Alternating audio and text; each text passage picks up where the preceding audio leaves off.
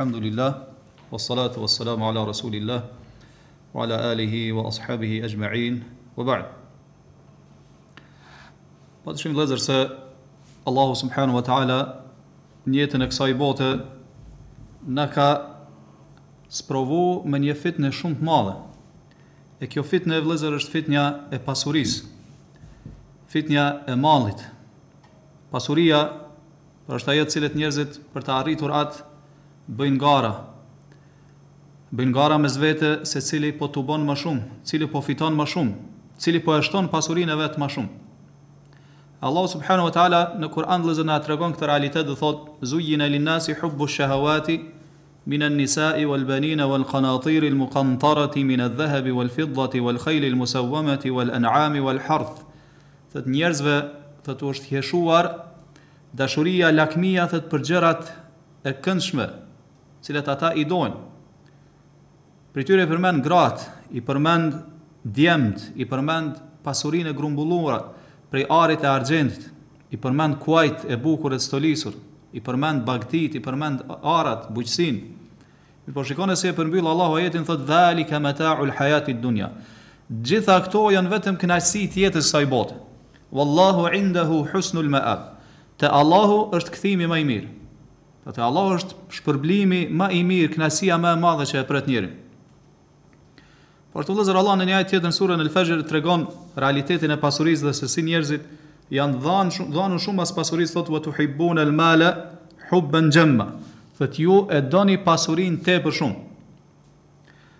Dhe vetë pejgamberi sallallahu alaihi wasallam vëllezër ka tregu për rrezikun e pasurisë kur njeriu nuk e ka frikë Allahun subhanahu wa taala, thot inna li kulli ummatin fitne ka thënë. Vërtet se çdo umet e ka fitnën e vet. E ka pas do thot fitnën e vet, ka thënë wa inna fitnata ummati fil mal. Shikone. Thot fitnja e umetit tim muslimanëve pra, thot është pasuria. është pasuria pra malli. Andaj vëllezër, duke i pas parasysh gjitha këto, shikone feja jonë islame ka vendosur parime të përgjithshme, rregulla të përgjithshme që na mësojnë se si ne duhet ta trajtojmë këtë pasuri vëllezër, si të sillemi ne karshi pasurisë. Si duhet të jetë qasja jonë në raport me pasurinë? Prej tyre vëllezër është fillimisht na si musliman duhet me qenë të bindur dhe me ditë mirë edhe me besu paluhatshëm se realisht malli që e ki, pasuria që e ki nuk është e jotja vëllezër, realisht është e Allahut subhanehu ve teala. Pse? Se vëllezër Allahu është sunduesi, poseduesi. Është sunduesi, poseduesi, do thot real, i vërtet. Kurse neve na ka jap vetëm vëllezër në dorë për një kohë të caktume në pasuri. Që ne të përfitojmë prej saj sa jemi në jetën e kësaj bote. Pasi Allahu thotë shikone aminu billahi wa rasulihi wa anfiqu mimma ja'alakum mustakhlafina fih. Thot besoni Allahun edhe të dërguarin e Tij, dhe jepni, shpenzoni për hir të Allahut subhanahu wa ta'ala nga ajo që ne ju ja kemi lënë në trashëgimi, thot Allahu subhanahu wa ta'ala. Do thot pasurinë që ta ka jep Allahu. Çka po don me na thonë Allahu, po don me na tregu vëllezër që Allahu është ai që ta ka jep pasurinë. Nuk është e jotja, është përkohësisht tek ti. Andaj vëllezër pra poseduesi, ai, ai i cili e ka në sundim çdo gjë, në pushtet çdo gjë, është Allahu subhanahu wa ta'ala dhe askush tjetër. Pra vëllezër, pikërisht Allahu e posedon pasurin e gjithë njerëzve. Çdo gjë është pronë e Allahu subhanahu wa ta'ala dhe Allahu është ai i cili e ndan mes njerëzve. Allahu thotë, Allahu jabsutur rizqa li men jesha'u ue jaqdir. Allahu është ai cili Dikujt ia zgjeron prej robërve të vet rrizkun e dikujt ia shtrëngon. Do thotë dikujt i jep, dikujt i jep ma pak e ndoshta nuk i jep fare hiç. Thotë pejgamberi sallallahu alaihi wasallam dhe thotë innama ana qasimun wa khazinun wallahu yu'ti. Ka tregu për veten ka thonë unë vetëm e tuboj pasurinë dhe e ndaj në mesin e njerëzve, kurse wallahu yu'ti, Allahu është ai i cili jep. Allahu është ai i cili jep. Çështja tjetër vëllazër që duhet ta kemi parasysh në bazë të këtyre argumenteve që i përmendëm është se robi vëllazër duhet me ditë se secili prej nesh si rob të Allahut subhanahu wa taala që jemi nën pushtetin dhe sundimin e Allahut, secili prej nesh ka me e marr rrizkun që ja ka caktu Allahu subhanahu wa taala në jetën e kësaj bote të plot. Pa ju mangësu kurrgjo edhe pa ju shtu asnjë grim. Madje askush vëllezër nuk vdes pa e plotsu rrizkun e tij të plotë. Për këta duhet të jemi vëllezër të bindun. E shikoni, pejgamberi sallallahu alaihi wasallam ka thënë, ja ejjuhan nas ittekullah. O njerëz, kini frikë Allahun, wa exhmilu fi talab. Dhe kërkojeni rrizkun n'mënyrë të mirë, n'mënyrë të butë, n'mënyrë mesatare, pa e tepru. Thotë, Fe inne nefsen len temute hatta testewfie rizqaha wa in abta'a anha. Sepse askush nuk ka me vdekë, thotë pejgamberi sa, pa e plotsu rrizkun që ja ka caktu Allahu subhanahu wa taala, edhe nëse i duket se është duke ju vonu. Patjetër ka me t'ardh. Andaj prap thotë pejgamberi sa, fattaqullaha wa ajmilu fi talab. Kini frikë Allahun dhe kërkojeni rrizkun, do thotë ashtu siç i ka hije, mirë. Thotë khudhu ma halla wa da'u ma harum, merrne rrizkun halal, punoni halal dhe lëni haramin. Andaj vëllezër rrizkun që ta ka caktu Allahu patjetër ka me të ardhë, nuk ka mundësi me vdek, do thotë nuk ka mundësi ti me dal nga jeta e kësaj bote përveç se e ke marr rrizkun tënd plot.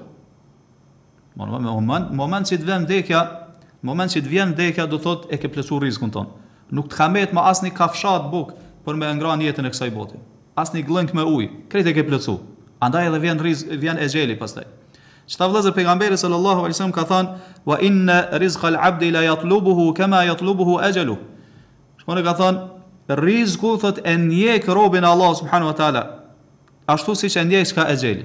Domthon këty këto dy gjana janë të garantume siç jan n'hadithe tjera. Patjetër kanë me t'ardh. Andaj vëllezër, kur ne si musliman jemi të bindur në këtë, kjo na nxit në disa gjëra e para, pika e parë është që ti me e lyp prej Allahut subhanu wa taala rrizkun. Pasi që e dim se rrizku është në dorë të Allahut subhanu wa taala, atëherë duhet me ju drejtu Allahut subhanu wa taala që me t'i lehtsu shkaqet e rrizkut. me ta shtu rrizkun. Mirpo krahas kësaj, nuk duhet mu mjaftu vetëm me dua, mirpo duhet me dalë vëllezër dhe me punu, edhe me gjallnu, edhe me lyp rrizkun hallall, edhe mu rujt çka prej haramit. Mirpo, fillimisht duhet me ditë vëllezër se çdo gjë është në dorë të Allahut subhanahu wa taala. Ti je urdhëruar me i marr shkaqet, mirpo ato shkaqe duhet me kanë hallall, jo haram, edhe tjetra nuk duhet mu mbështet në shkaqe, se ato janë vetëm shkaqe. Nëse Allahu don, ato janë funksionale, nëse s'don Allahu subhanu wa ta'ala, nëse i merr krejt shkaqet e dunjas, nuk munden me t'sjell ndonjë dobi apo me ta largu ndonjë dëm. Andaj vëllezër, shikoni Islami se si e edukon muslimanin që mu lidh me Allahun subhanu wa ta'ala. Pejgamberi salam thot, wa idha sa'alta fas'alillah. Kur të kërkosh diçka, kërko vetëm prej Allahut subhanahu wa ta'ala. Madje edhe në çashtjen vëllezër të borxheve, kur ki borxhe të mëdha, t'u kanë tubu borxhet, lidhu me Allahun subhanahu wa taala, kërko prej Allahut fillimisht që me t'i lehtësu këto borxhe, me t'i largu këto borxhe. E pastaj kuptohet edhe i merr shkaqet. Punon, gjallnon edhe mundohesh me i largu borxhin këtë barrë nga vetja. Prej lutjeve vëllezër që na e ka mësuar pejgamberi sallallahu alaihi wasallam që me lejen e Allahut Kur njeri i merr të gjitha shkaqet, edhe kjo lutje bëhet shkak që Allahu me ta largu borxhin, është Allahumma kfini bi halalika an haramik. E lut Allahun thu, o Allah, më bëj që unë të mjaftohem me ato që i ka bërë ti halal, pa ju kthy gjërave që janë haram. Wa aghnini bi fadlika amman siwak. Dhe më bëj mua të mjaftueshëm me mirësinë tënde që të mos kem nevojë t'i drejtohem dikuj tjetër përveç teje. Çështja tjetër vëllazër që duhet ta kemi parasysh se kur ne e dimë se rrizkun që e ka n'dorë Allahu subhanahu wa taala, atëherë ka mu paksu ose ka mu zhduk tërësisht zilia mes njerëzve, urrejtja mes njerëzve, për shkak se dikush ka e dikush nuk ka, siç është prezente me keqardhje themi në mesin e muslimanëve sot, pse vëllazër se ti e din tani që Ai që është pas, është pasanik, pasurinë ja ka dhan Allahu subhanahu wa taala. Ai që është i varfër, kjo është me caktimin e Allahu subhanahu wa taala, do thotë krejt kthehet te Allahu. Mirëpo Allahu vëllezër duhet ta dimë se nuk i bën padrejtësi askuj. Veprat e tij qëndrojnë mbi drejtësi absolute, mbi urtësi absolute, edhe mbi mshirë absolute. Mbi mshirë absolute. Andaj vllezër, Allahu dikuj i jep për shkak ndonjë urtësie të thellë. Dikon e privon edhe për shkak ndonjë urtësie të thellë. Allahu nuk i bën padrejtësi askujt.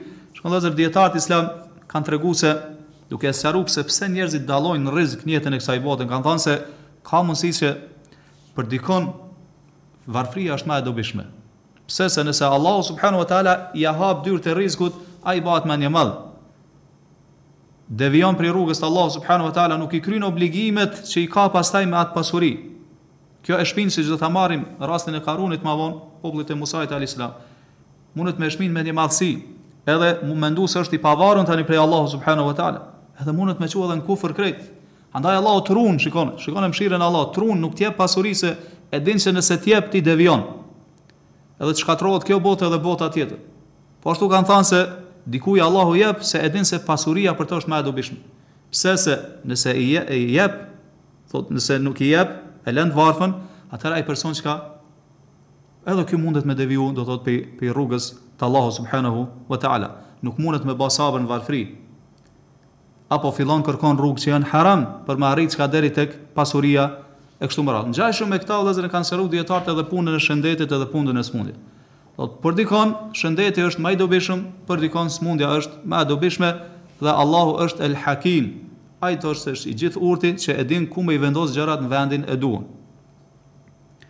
Çështja tjetër vëllazër që duhet ta kemi parasysh është se rrizk nuk është vetëm malli, nuk është nuk janë vetëm të hollat, nuk është vetëm pasuria. Rrizk vëllazër është edhe, ama kjo pasuria është vetëm një pjesë e rrizkut. Rrizk vëllazër është edhe fakti që ti je musliman,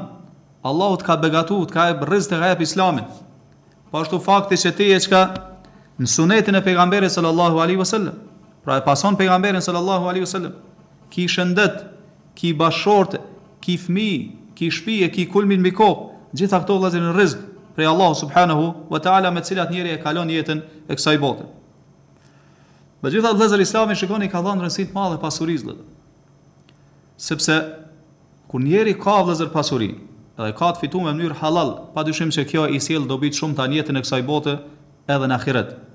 Shikoni vëllezër, në jetën e kësaj bote, përmes pasurisë, mundesh me krye adhurime të shumta madhështore. Prej tyre është haxhi. Nuk mundesh me shku në haxh nëse s'ke pasuri. Po ashtu vëllezër, prej tyre, prej këtyre adhurimeve madhështore është se ti kur ki pasuri, atëherë mundesh me ju ndihmu tjerëve. qofshin këto shpenzime që i bën, që i ki obligative, qofshin në mënyrë që janë të pëlqyeshme. Po ashtu vëllezër kur ki pasuri, mundesh me la në vakf diçka, për hir të Allahut subhanahu wa taala që ty me t'ardh shpërblimi pastaj edhe mas vdekjes. Mundesh me ndërtu xhamia, mundesh do thotë me ju ndihmu muslimanëve, mundesh me i renovu xhamiat, mu kujdes për xhamitë. Për çdo gjë që kanë nevojë. Kur ki pasuri, mundesh edhe mu martu. Edhe pastaj e run nderin, e run moralin ton e kështu me radhë. Shikoni vëllezër pra sa e rëndësishme është pasuria për muslimanin, do thotë nëpërmjet pasurisë ti po kryjshe adhurime edhe bindje të shumta ndaj Allahut subhanahu wa taala. Megjithatë vëllezër vlejmë vrejmë se njerëzit prapë se prapë ndryshojnë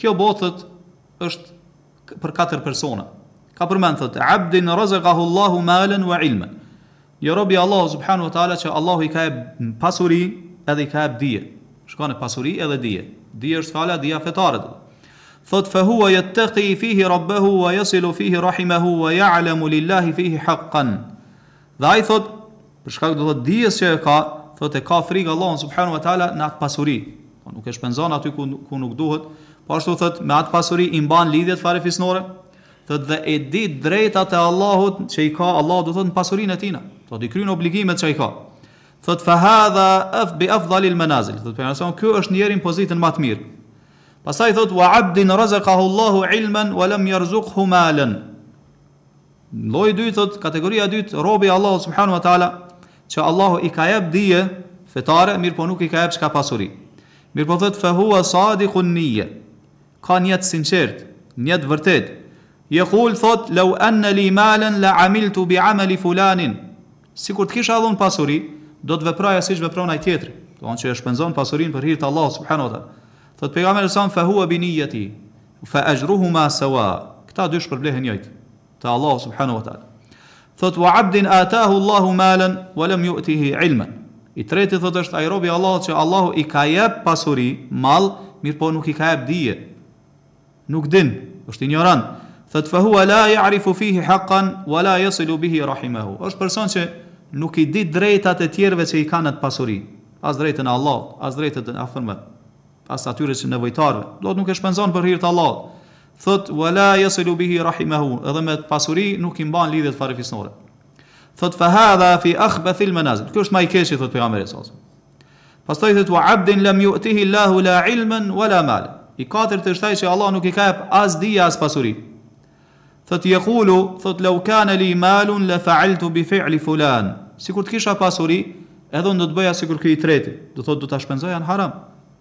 Ose do ta mbaja për vete e kështu me radhë. Thotë fehuma fil wizri sewa, thotë.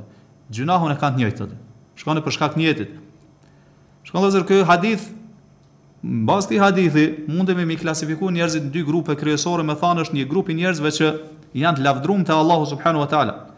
Ai është vëllazër që e tubon pasurinë, mirëpo edhe e shpenzon për hir të Allahut subhanahu wa taala, duke shpresuar se me këtë mu afru te Allahu subhanahu wa taala.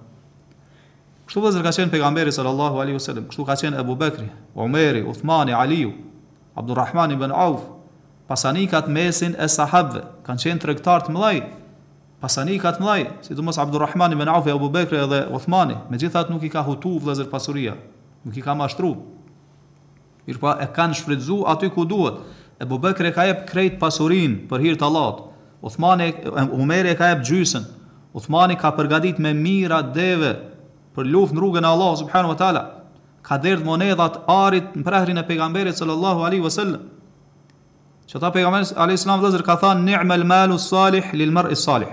Sa e mirë është pasuria halal e fitu me halal në dorën e njerit që e ka frikë Allahun subhanu wa taala.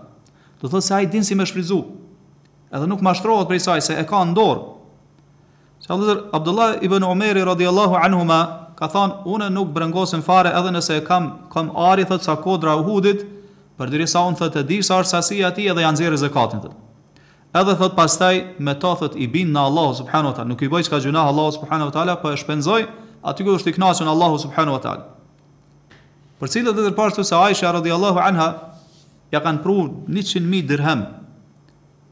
Muavija radiallahu an, apo ibn Zubejri radiallahu an, nuk është e rëndësishme, edhe ka qenë agjërueshëm, Aisha radiallahu anha. Edhe menjëherë ka fillu vllezën me e shpërnda at pasuri n'mesin e njerëzve, n'mesin e t'varfve. Nuk ka lanë kurgjo për veti, krejt i ka shpenzu. Edhe i ka thënë ajo, shërbëtorja e saj, ka thënë, oj nana ime, nana besimtarëve, sikur të na leje bile një dirhem, që me shku me ble ushqim për me, me, me, me ba iftar sante se s'po kena asnja me hangër. Shikoni, nuk i ka kujtu fare. Se qëllimin e ka pas me i ndihmu të varfërit. Ka thanë, sikur të ma kujtoje, do të veproja ashtu. Shtu kanë qenë vllezër sahabet. Aisha përmendet disa hadithe se Ka tubu, ka tubu pasuri, gjara ushqimore, gjana të nevojshme, pastaj e ka shpërnda të varfërve. Nuk ka majt për veti. Se ka pas këtë mendim, do thotë që, ma mirë është njëherë me tubu, pastaj kur t'ia jepsh atij të varfit, ajo dhurata që ia jep me lanë pozitë dhe me pas ndikim, do thotë, në zemrën e atij të varfit. Kurse ka pas sahabije tjetër, radijallahu anha, që menjëherë çka i ka ardhur në dorë, do thotë menjëherë e ka shpërnda. Nuk ka lanë çka kurrgjo për vete.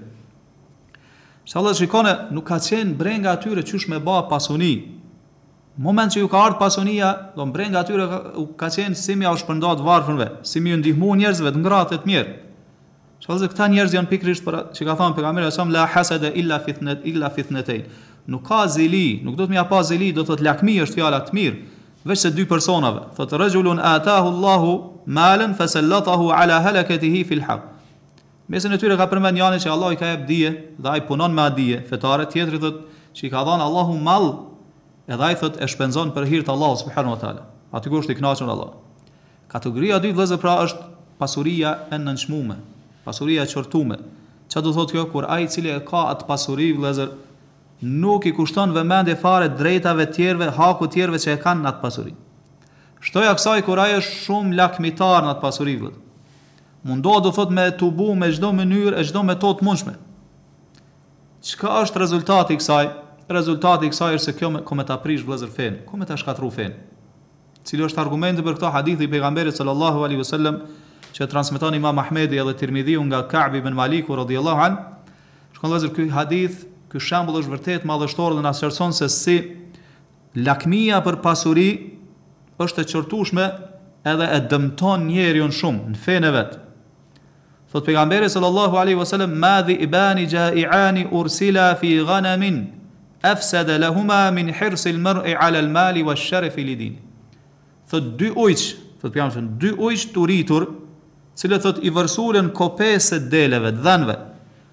Thotë nuk munden me e prish, me e shkatërru ma shumë atë kope, se sa që lakmia e njeriut për pasuri edhe pozitë në jetën e kësaj bote ja shkatërron atij fenë.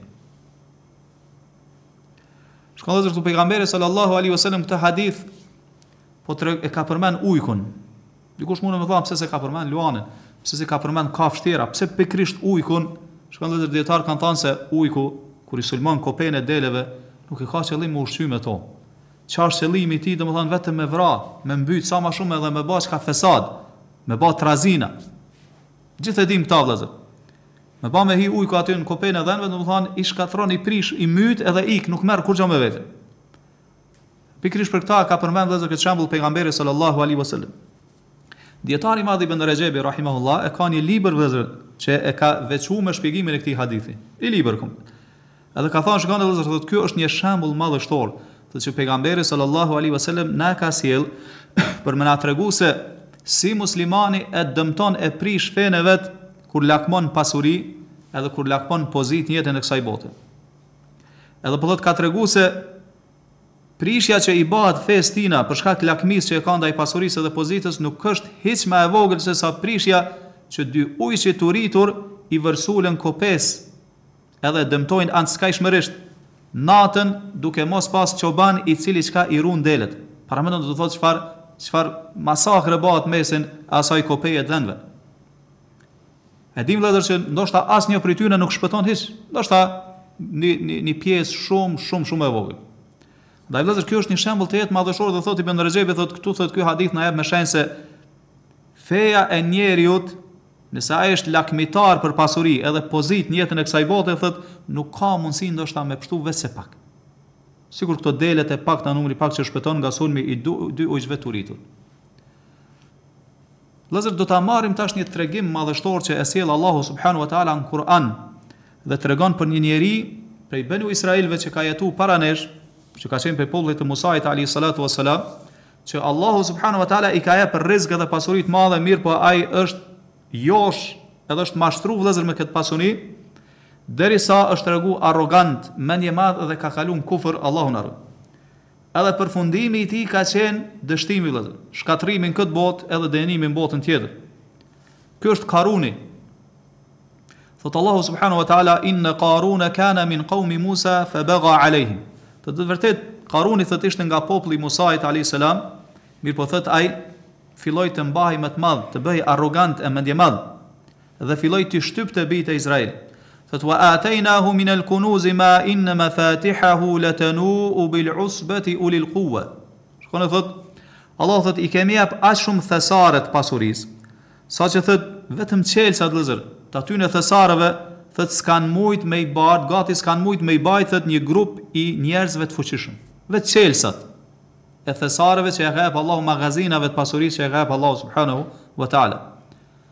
Para kësaj vëllezër ky njeri nuk ka qenë i njoftun.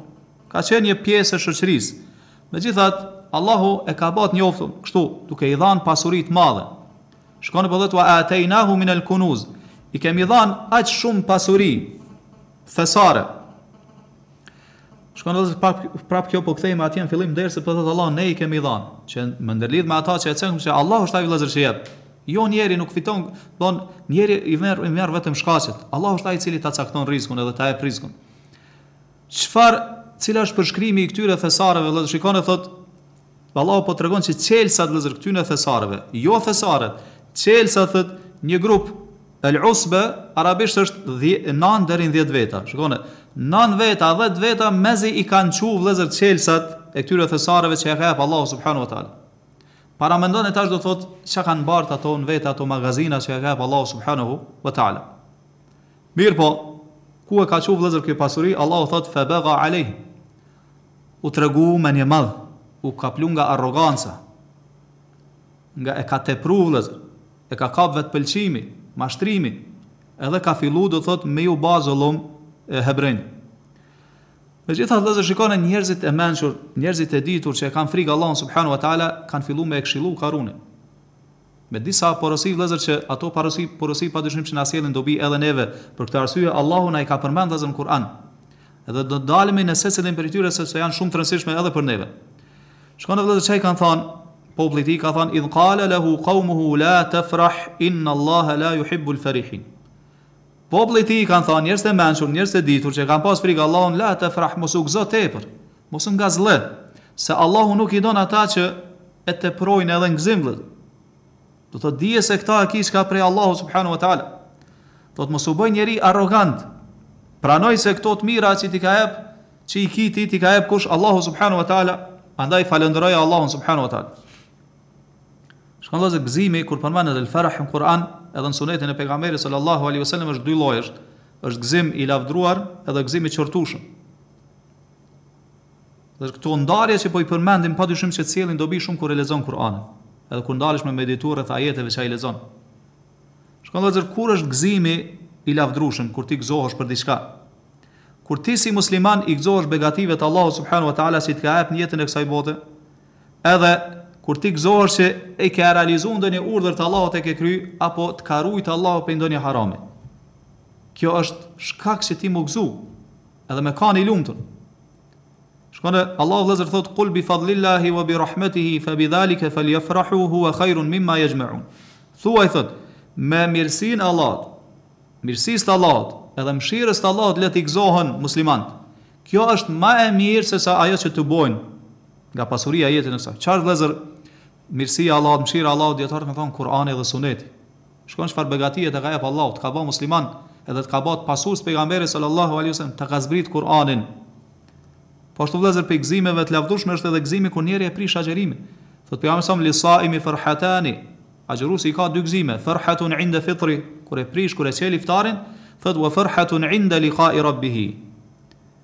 Kur e çel iftarin gëzohet se e ka kry një obligim të Allahut subhanu wa ta'ala, po ashtu i gëzohet asaj se Allahu do thotë ja ka mundësu që ky tash m'u ushqy edhe m'u forcu, edhe i ka jep rrizk. Po ashtu gëzohet takimit me Allahun ditën e Kiametit se Allahu do ta shpërblejë për atë agjërim. Kjo është vëllezër gëzim i lavdëruar mirëpo kemi edhe gëzim të qortushëm, ai është kur njeri i gëzohet haramit vëllezër Allahu na ruajt. Kur i gëzohet haramit, pra se Ju ka mundsu me e kry ni haram, edhe kur kjo pastaj e shpie atë n'arrogancë, vetëpëlqim, edhe mashtrohet, edhe me këta ai pastaj e harron me falendëru Allahun subhanahu wa ta'ala, edhe i mbshtetet shkaqeve begative që ja jep Allahu n'jetën e kësaj bote edhe e harron ahiretin, e qet mas shpine ahiretin, nuk i kujtohet fare që ko me vdek, ko me dalë para Allahut subhanahu wa ta'ala.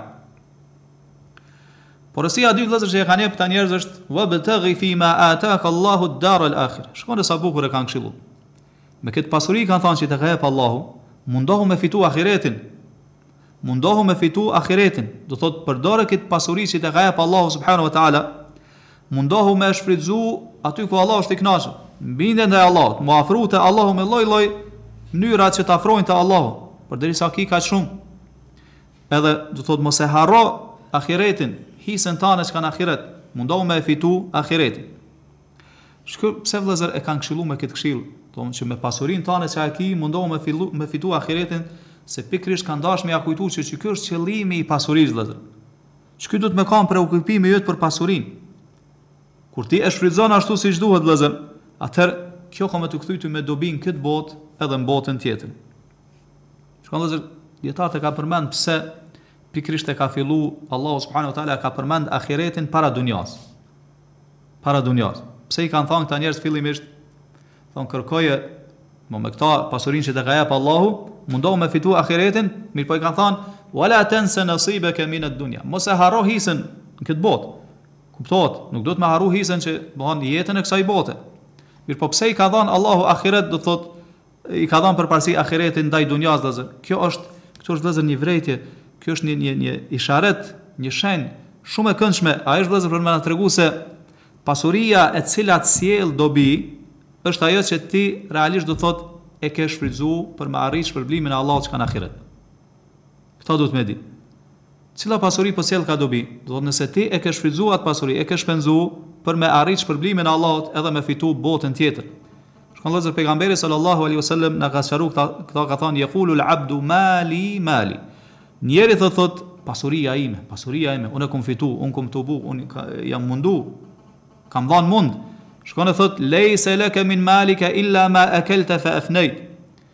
Edhe ka thënë, O njeri, thotë se pasuria, thotë, e jote nuk është kurrgjë, thotë, veçse ata që e ke hangër edhe e ke qitë prej trupit, përmes nevojave fiziologjike. Thotë, Wa ma labiste fa ablejt, apo rrobat që i ki në trup i vesh edhe i shqerr. Edhe thotë, Au tasaddaqte fa amdejt. Shko, e kjo është e fundit shumë e rëndësishme, do të thotë, ose e ke dhanë sadak, edhe ata ki me gjetë ku, te Allahu subhanahu wa taala. Çka vëllazër është çka pasuria reale?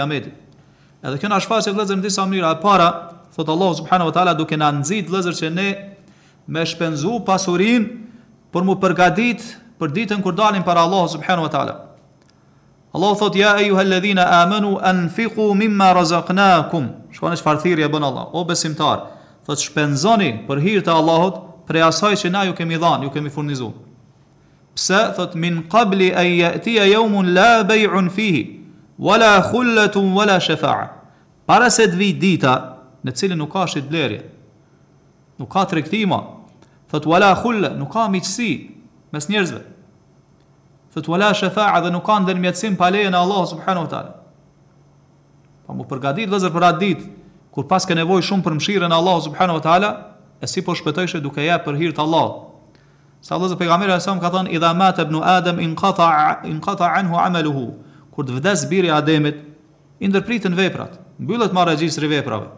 Thot illa min thalath. me përjashtim tri gjëra. Sadaqatin jariyah, nëse ke lan sadak rrjedhse. Ke lan ndonjë hajrat që themi këtu të na që thon njerëzt përfitojnë prej saj edhe mas vdekjes tane. Të vjen shpërblimi duke qenë n'varr. Thot au ilmin yuntafa'u bih, ke lan dije dobishme prej cilës njerëz përfitojnë pas vdekjes tane. Au waladun salihun yad'u leh, apo ke lënë mbrapa teje një fëmijë të mirë, musliman të mirë, t'devotshëm që lutet për ty. Shko vëllezër një hadith tjetër madhështor që e transmeton Abu Huraira nga pejgamberi sallallahu alaihi wasallam na tregon vëllezër këtë realitet. Thot pejgamberi alaihi salam se thot kur i vdekuri thot vendoset në varr Thotë dhe ai thotë i dëgjon hapat e atyre që kanë ardhur me përcjell do thotë deri te varri duke u largu dhe ata thotë pastaj largohen do gjatë momentit kur largohen prej tij i dëgjon hapat e tyre thotë fe in kana mu'minan kanat is salatu inda ra'sihi nëse ka qenë besimtar thotë namazi i rrin te koka shiko vëllez namazi i rrin te koka në varr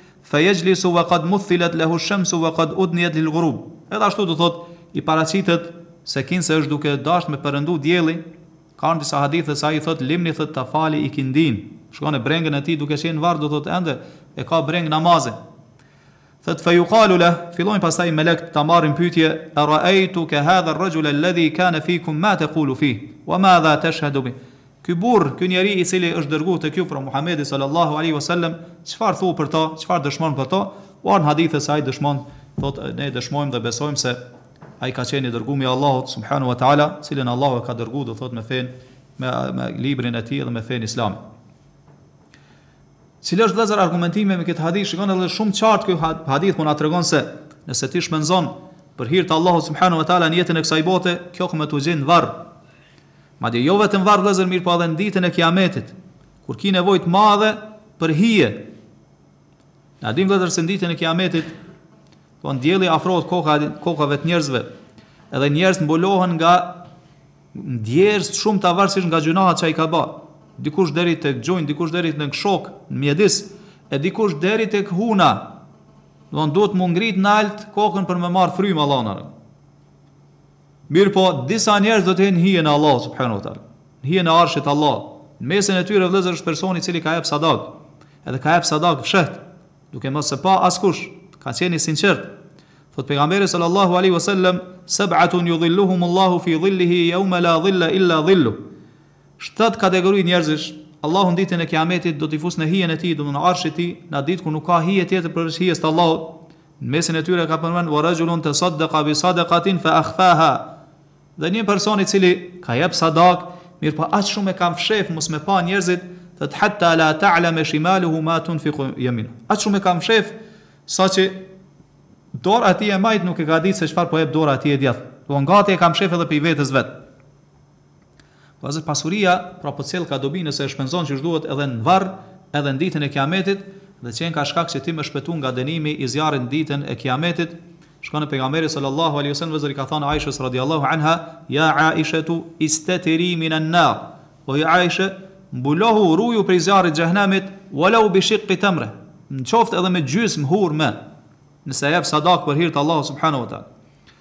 Po ashtu ka thënë vëllezër pejgamberi sallallahu alejhi wasallam wa sadaqatu tutfi'u al-khati'e, sadaka e fshin e shun gjynahun, mëkatin ndaj Allahut subhanahu wa ta'ala. Po ashtu vëllezër prej shkaqeve që ta ta bëjnë ta mundësojnë ty me shpëtu në ditën e Kiametit është kur ti ja lehtëson borxhin borxhliut apo edhe ja fal krejt për hir të Allahut subhanahu wa ta'ala. Kjo cjell dobi të madhe në ditën e Kiametit.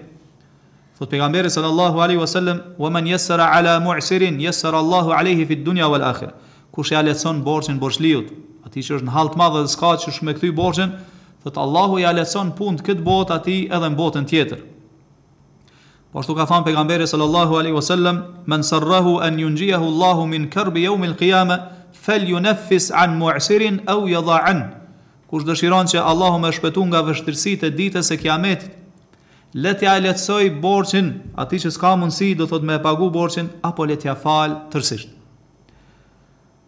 Po ashtu vëllezër pejgamberi sallallahu alaihi wasallam ka thënë sanai'ul ma'ruf taqi masari'a su. Punët e mira që i kryen njeri në jetën e kësaj bote, do ndihma që ia bën njerëzve, bamirësia, thotë e rujnë njerin nga vdekjet tragjike, vdekjet e këqija. Shikoni do thotë pra, vëllezër nderum do thotë ndikimin që e ka pasuria në jetën e kësaj bote, e po ashtu edhe në ahiretin ton kur del para Allahu subhanahu wa taala. Porosia e tretë vëllezër që ja kanë dhënë këta njerëz të mençur Karunit i kanë thënë wala tansa nasibaka min ad-dunya. Na po të nxitim kështu, mirë po ti mos e harro hisen tane në jetën e kësaj bote. Nuk po të themi jepe sadak krejt pasurin tane, edhe me mbet pa kurgjë hiç i varfën ashtu me ja shtri dorën njerëzve, jo, kështu nuk na mëson vëllezër islami. Mirëpo, shikone, mos e harro do thotë hisen tane në këtë botë, ngrënia, pirja, rrobat, e, martesa, kulmi mbi kokë, po gjitha këto vëllezër i duhet mi plotësu njeri, njeri në jetën e kësaj bote. Se pejgamberi sa na ka treguar vëllezër se Allahu ka hak tek ne, do thotë duhet mi plotësu të drejtat e Allahut ndaj nesh, po ashtu edhe vetja jote ka hak Nuk duhet me stërmundu vetën së tepërmi, duhet me pushu, duhet m'u relaksu në disa çaste. Po ashtu ka tregu që bashkshortja ka hak te ti, edhe tjerët, domethënë secili me cilin ti ki lidhje kanë hak te ti, që ti duhet me ia përmbush atë drejtë. Andaj ka thanë në fund, fe ati kulle dhi hakkin hakkah, secilit jepja hakun që i meriton. Kështu vëllezër na mëson pra islami. Shikoni vëllezër dietarët na kanë sjellë një shembull të mahnitshëm se si muslimani duhet me pas qasje me pasurinë në jetën e kësaj bote, kanë thënë pasuria vëllezër shikoni duhet me kanë sikur kafsha, cilës ti i hip edhe udhton me to. Cilën e shfrytëzon domethënë. Edhe pastaj me to arrin aty çka te destinimi ku e ke pas caktuar. Po ti kur dëshiron me udhtu dikun, përpara kanë udhtu me kafshë, ke hip kafshës edhe ke shku. Apo tash i hip veturës edhe shkon. Kështu thotë duhet me kanë vëllezër pasuria. Domethënë ti me e shfryzu pasurinë, jo ajo me të shfryzu ty. Domethënë ti me pas në dorë pasurinë, jo me pas në zemër vëllezër, se ajo pastaj të robron. E vëllezër, ky është besimtari i mirëfillt që e ka frikë Allahun subhanahu wa taala, ky i cili e ka kuptuar realitetin vëllezër të pasurisë, edhe e shfrytëzon ashtu siç duhet. Ndërsa i tjetri thonë dietarët është ai i cili i shërben pasurisë, Allahu na ruajt. I cili është rob i mallit, rob i pasurisë. E tubon pasurinë, lodhet, rraskapitet, është lakmitar i madh, mirëpo në fund çka, nuk përfiton kurrgjo vëllezër. Pse se njëherë ke me vdekë, krejt atë pasuri ta marrin çka trashëgimtarët. Edhe në ahiret s'ke me ia pa hajrin hiç, pse se nuk e ke shpenzu për hir të Allahut subhanahu wa taala. E thonë ky person është sikur ai person i cili edhe pse e ka kafshën me cilën udhëton, e qet në shpinë edhe në kokë edhe ec me to bashkë. Shikoni domethënë pasuria çka po e shfrytëzon këta. Ky tash u bë shërbyes i pasurisë. Po nuk ka dit me menaxhu vëllazër ashtu siç duhet që me anë të pasurisë me arrit te Allahu subhanahu wa taala. Pastaj vëllazër në porosinë e katërt i kanë thënë wa ahsin kama ahsan Allahu ilejk. Bëju mirë njerëzve ashtu siç të ka bërë Allahu mirë ty. Po vëllazër na e dimë se kemi parim në fenë tonë që el jazau min jinsil amal. Qysh të veprosh do të veprohet me ty. Ju bën njerëzvet mirë, Allahu të bën mirë. Tregohesh i ashpër ndaj njerëzve, bën i shqetëson njerëzit, i lëndon, atëherë dije se Allahu ka me të dënu, Allahu na. Tregohesh i butë ndaj njerëzve, Allahu tregohet i butë ndaj teje. Sa vëllezër kanë thënë dietarët, nëse dëshiron me ditë se si është Allahu me ty, shikoje se si është raporti yt çka me krijesat e Allahut subhanahu wa taala. Ndaj vëllezër po e porositin që ashtu siç Allahu të ka ba mirë, të ka jep kaq shumë, edhe ti bëniju mirë çka njerëzve, se Allahu pastaj t'i shton të mirat. Si ju bajmë vëllezër mirë njerëzve, kur ti ju jep sadakë vëllezër, ju ndihmon njerëzve, e nxjerr zekatin e pasurisë, që është shtyllë prej shtyllave të Islamit. Po ashtu ju bën mirë njerëzve kur ju jep borxhe vëllezër, ju ndihmon, ja u lehtëson vështirësitë.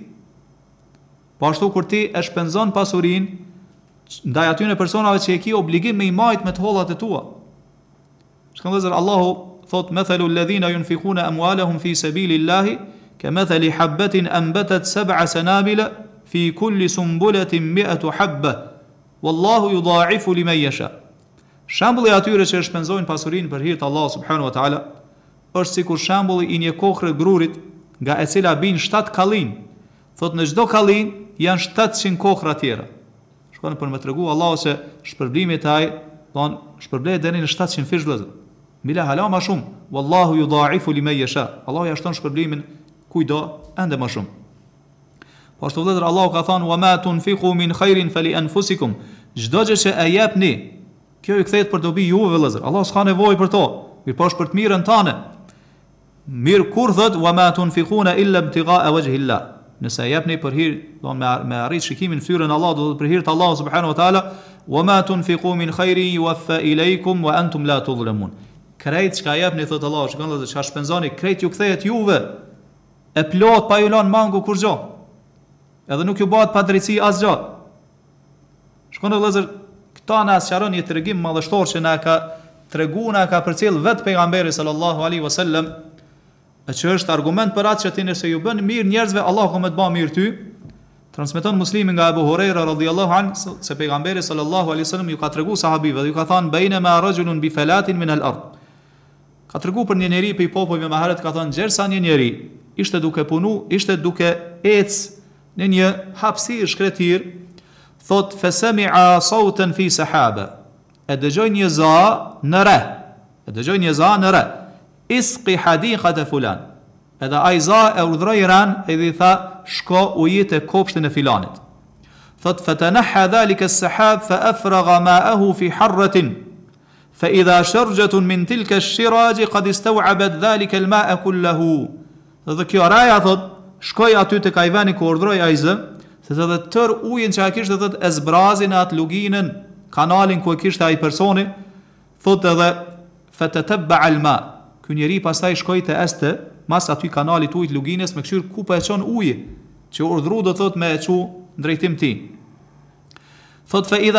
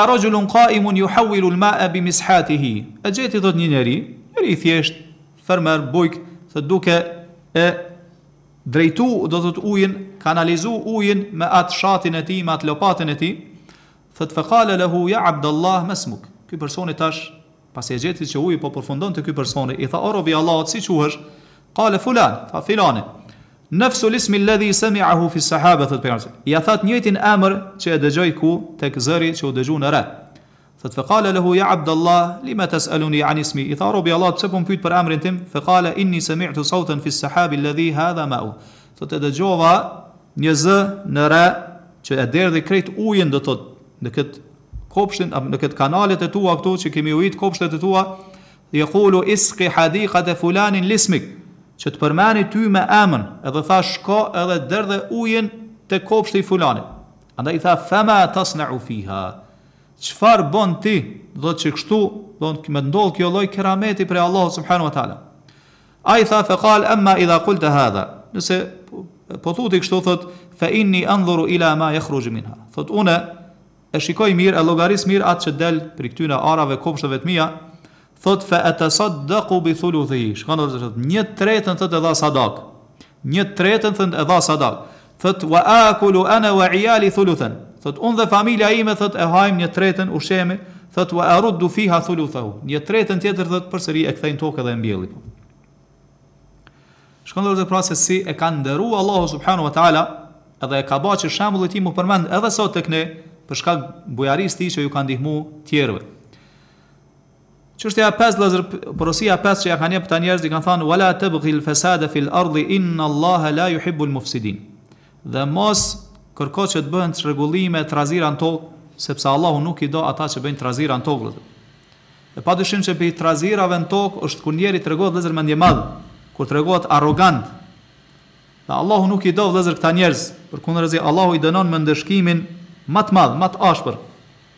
Mirëpo, e vrejmë vëllezër në fund se këtë karunin, këtë person e ka verbu, domethënë ajo hijeshia e pasurisë, dashuria, lakmia për ari, për argjend.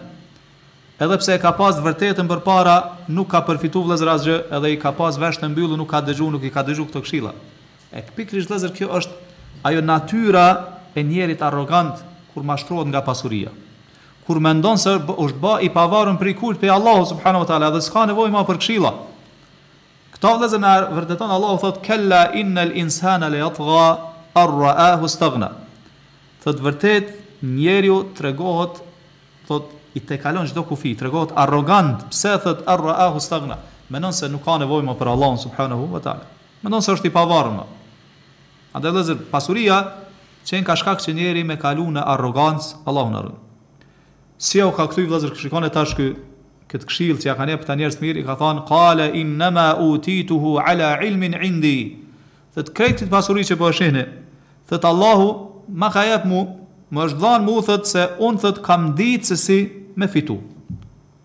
Për shkak, do thotë, mendjeprehtësisë time, zgjuarsisë time, rrugëve se si me fitu, domethënë, me ba tregti, shitblerje, thotë, gjitha këto, thotë, i kam arrit me zgjuarsinë time, me mendjen time.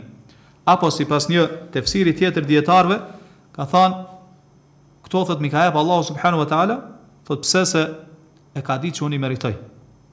Tani jam i denjë për me pas këtë këtë pasuri. Shikone vëllezër pra arrogancën e tij Allahu na ruaj. Shikon edhe ngjashëm me këtë është edhe ngjarja në suren Kehf, që e lexojmë çdo të premte. Besoj edhe që e dini ngjarja e atyre dy personave, domethënë që njëri prej tyre ka pas kop dy kopshte shumë të bukura e me çdo lloj frutash e palmash që ia ka jep Allahu subhanahu wa taala, edhe këtë person e ka mashtruar vëllezër pasuria. E ka bë arrogant pasuria. Çka ka thënë ky? Fillimisht është mburr para atij muslimanit të mirë të devotshëm e të varfër ka thënë ana aktharu minka malan wa a'azzu nafara thotë unë kam ma shumë se ti mall e pasuri edhe kam krah dmth farefis njerëz burra ma shumë se ti pastaj çka ka thënë thotë Allahu wa dakhala jannatahu wa huwa zalimun li nafsihi një ditë prej ditësh thotë ky ka hi në atë kopshtin e vet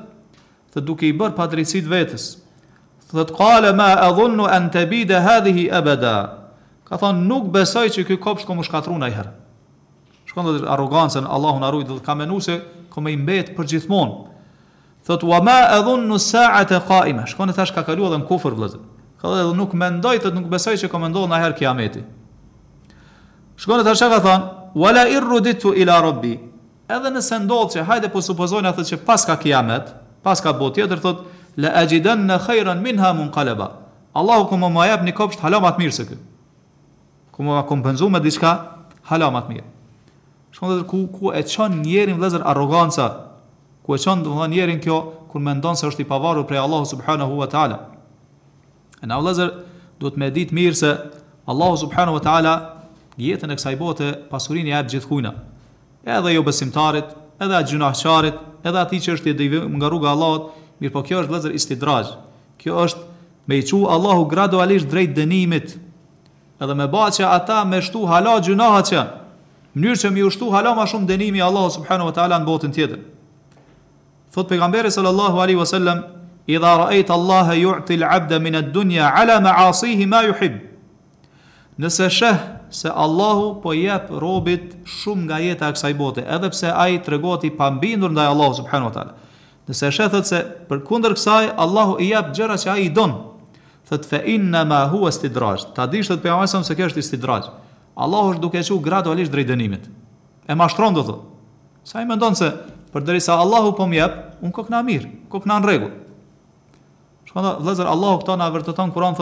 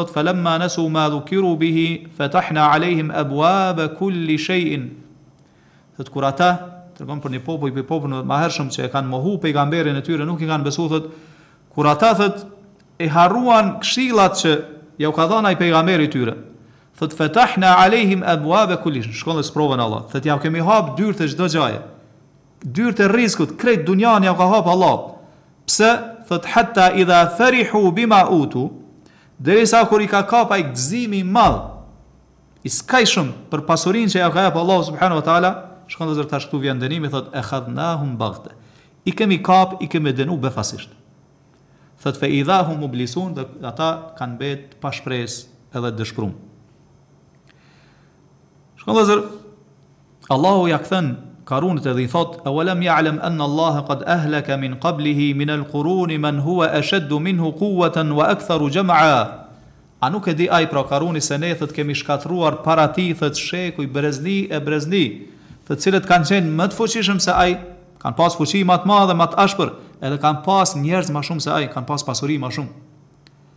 Mirëpo prapë se prapë vëllezër ky ka ka vazhdu n'atë arrogancën e vet, n'atë kryeneçësinë e vet edhe nuk e ka pranu këshillën e këshilluesve vëllezër.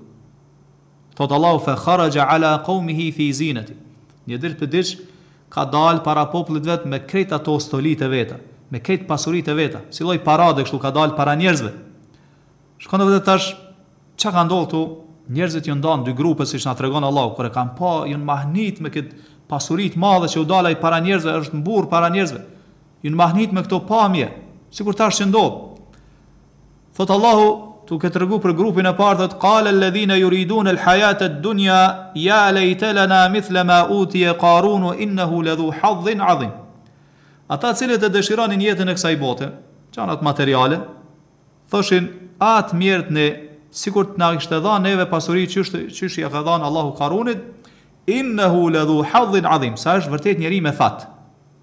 Njeri me fat, pse, se ka pasuri, ka shërbëtor, ka gra, ka do të thot numër të madh të arit, të argjendit, nuk ka nevojë për asgjë, do të thot të gjitha çka ka nevojë i ka.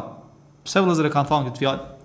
Se e kanë shiku me syrin çka, syrin materialist me aspektin materialist, dmth nuk e kanë arrit me konceptu dmth realitetin vëllezër të kësaj bote, realitetin e pasurisë, realitetin e dunjas, as realitetin e ahiretit. Ngjashëm vëllezër edhe sot vëren muslimanë, se si mashtrohen vëllezër me këto dukuri që shfaqen edhe trumpetohen edhe reklamohen nëpër media, nëpër televizione, dmth mashtrohen vëllezër me jetën e jobesimtarëve. Mashtrohen me jetën e jobesimtarëve edhe lakmojnë jetën e jobesimtarëve. E kjo është vllezër si pasojë se nuk e din realitetin e të ksaj jete. Nuk e din realitetin e ksaj jete. Nuk e din realitetin e ahiretit. Edhe pastaj bin vllezër në devijime të mdhaja që mundet edhe me nxjerr prej fesë t'Allahut subhanahu wa ta'ala.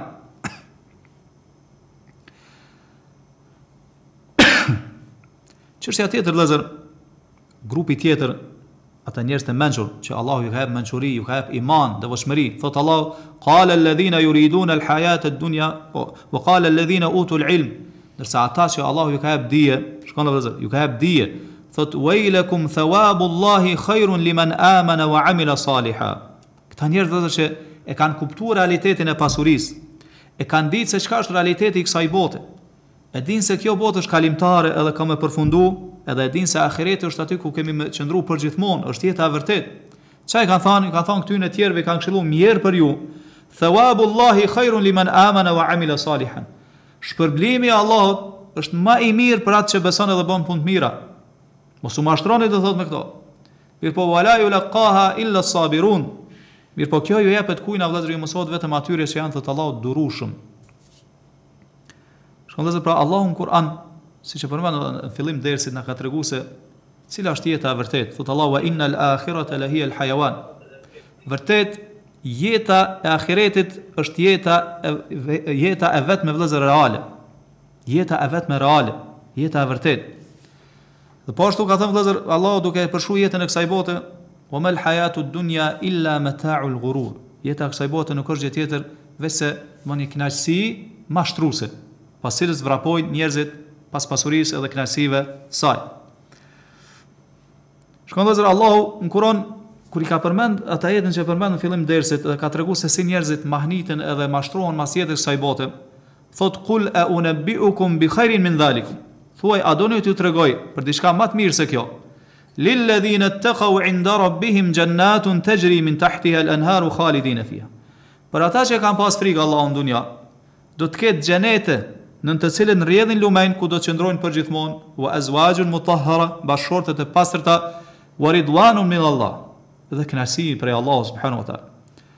Wallahu basirun bil ibad kush janë këta vëllezër cilat janë cilësitë shikoni thotë Allahu alladhina yaquluna rabbana inana amanna ata të cilët thonë o Zoti ynë ne kemi besu pra që e kanë posedu vëllezër imanin me iman po arrihen këto gjana faghfir lana dhunubana wa qina adhaban nar andaj na i fal gjunahet tona dhe na ruaj nga dënimi i zjarrit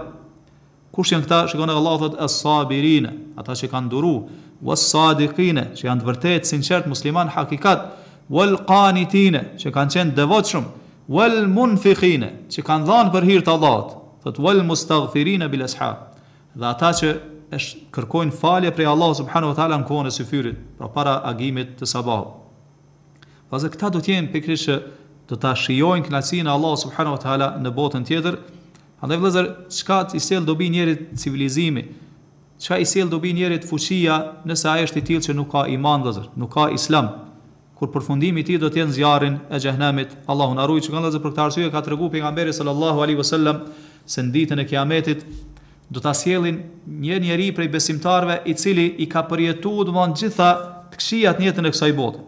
Çdo mjerim të mundshëm. Thot pejgamberi sa thot e fusin thot në xhenet, e fusin në xhenet vetëm një herë dhe e nxjerrin. Edhe çka është rezultati i kësaj, i harron krejt ato që ai ka përjetuar në jetën e kësaj bote. Edhe i thuhet, a ke pa naherë mjerim, a ke pa naherë vështirësi? Thot jo, pasha Allah, thot kurrë nuk kum pa. Ani harron krejt, veç një herë që hin edhe del prej prej xhenetit. Mirë vëllezër cili ishte përfundimi i këtij personazhi që jemi duke fol për ta, tregon Allahu thot, kur e ka arrit do thot atë skajin e arrogancës edhe kryeneçësisë edhe mos falenderimit ndaj Allahut subhanu wa ta'ala edhe kur është e ka arrit atë skajin e vetëpëlqimit edhe mburrjes me veten, thot Allahu fe khasefna bihi wa bi darihi l'ard. Kemi ba thot Allahu na që atë edhe ketë atë pallatin e tij, pasurinë e tij me e gëlltit toka. E ka lëshu do thot çka toka.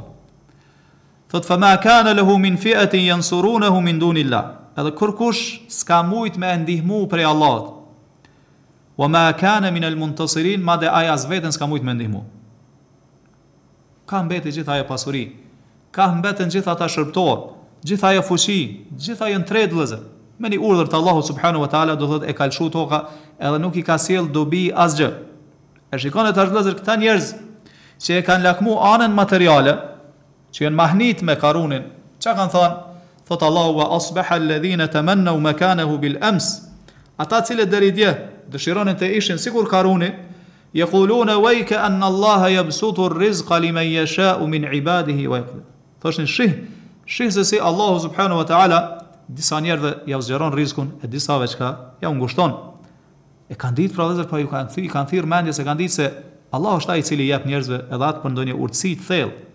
Allahu është ai i cili ia cakton rizkun dikujna, e dikujna çka e shtrëngon edhe nuk i jep, edhe kjo për shkak të urtësive. Pastaj kanë thënë laula an manna Allahu alejna la khasafa bina. Sikur Allahu të mos tregohej i butë dhe i mirë ndaj neve, edhe neve do të na lëshonte toka së bashku me Karunin. Pse vëllezër se ata deri dje kanë dëshiruar me kanë çka? Sikur ai. Mirpo Allahu me mëshirën e tij do të thotë nuk i ka ndëshku. Pastaj ka thënë wei ka annahu la yuflihu al kafirun ka thënë shi se si nuk kanë shpëtim jobesimtarët vëllazër. Nuk kanë shpëtim as këtë botë, as në botën tjetër. E kështu vëllazër Allahu subhanahu wa taala këtë tregim për Karunin, shkatrimin e tij, poshtrimin e tij në këtë botë e ka bërë vëllazër çka shembull edhe ka ba që na me marr mësim vëllazër. Edhe me marr mësim njerëzit deri në ditën e Kiametit. Pastaj do thot këtë ngjarje Allahu e përmbyll dhe thot tilka darul akhiratu naj'aluha lil ladhina la yuriduna uluwan fil ardhi wala fasada. Botën e ahiretit, botën tjetër thot Allah do ta bëjmë për kon. Do të jetë për kon, thot për ata që nuk dëshirojnë kryelartësi në jetën e kësaj bote. Nuk dëshirojnë fesad Shkatërrim këtë botë. Thotë wal aqibatu lil muttaqin. Edhe përfundimi, çka thotë, përfundimi i lumtur i takon njerëz, i takon njerëzve të devotshëm, që e kanë frikë Allahun subhanahu wa taala. Dhe vëllezër, padyshim se kjo ky tregim është i mbushur vëllezër me dobi të shumta, mundu me marr mësime, porosi të shumta, mirëpo koha nuk po na lejon, do të thotë të zgjerohemi më shumë.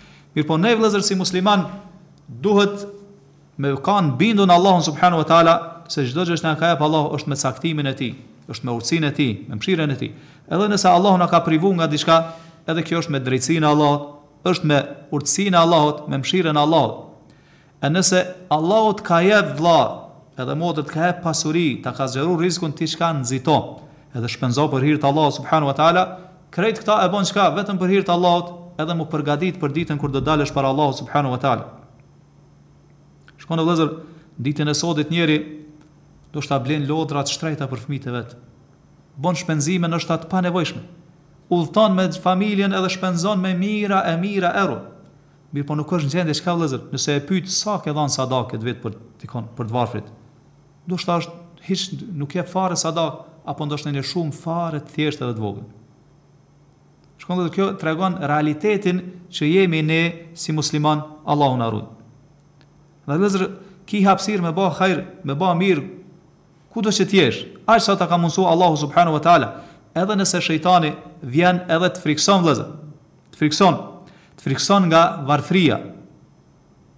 Allahu thotë e shejtanu yaidukumul fakr. Shejtani ju frikson me varfëri. Wa ya'murukum bil fahsha. Edhe ju urdhëron me punë të ndyta, punë të këqija.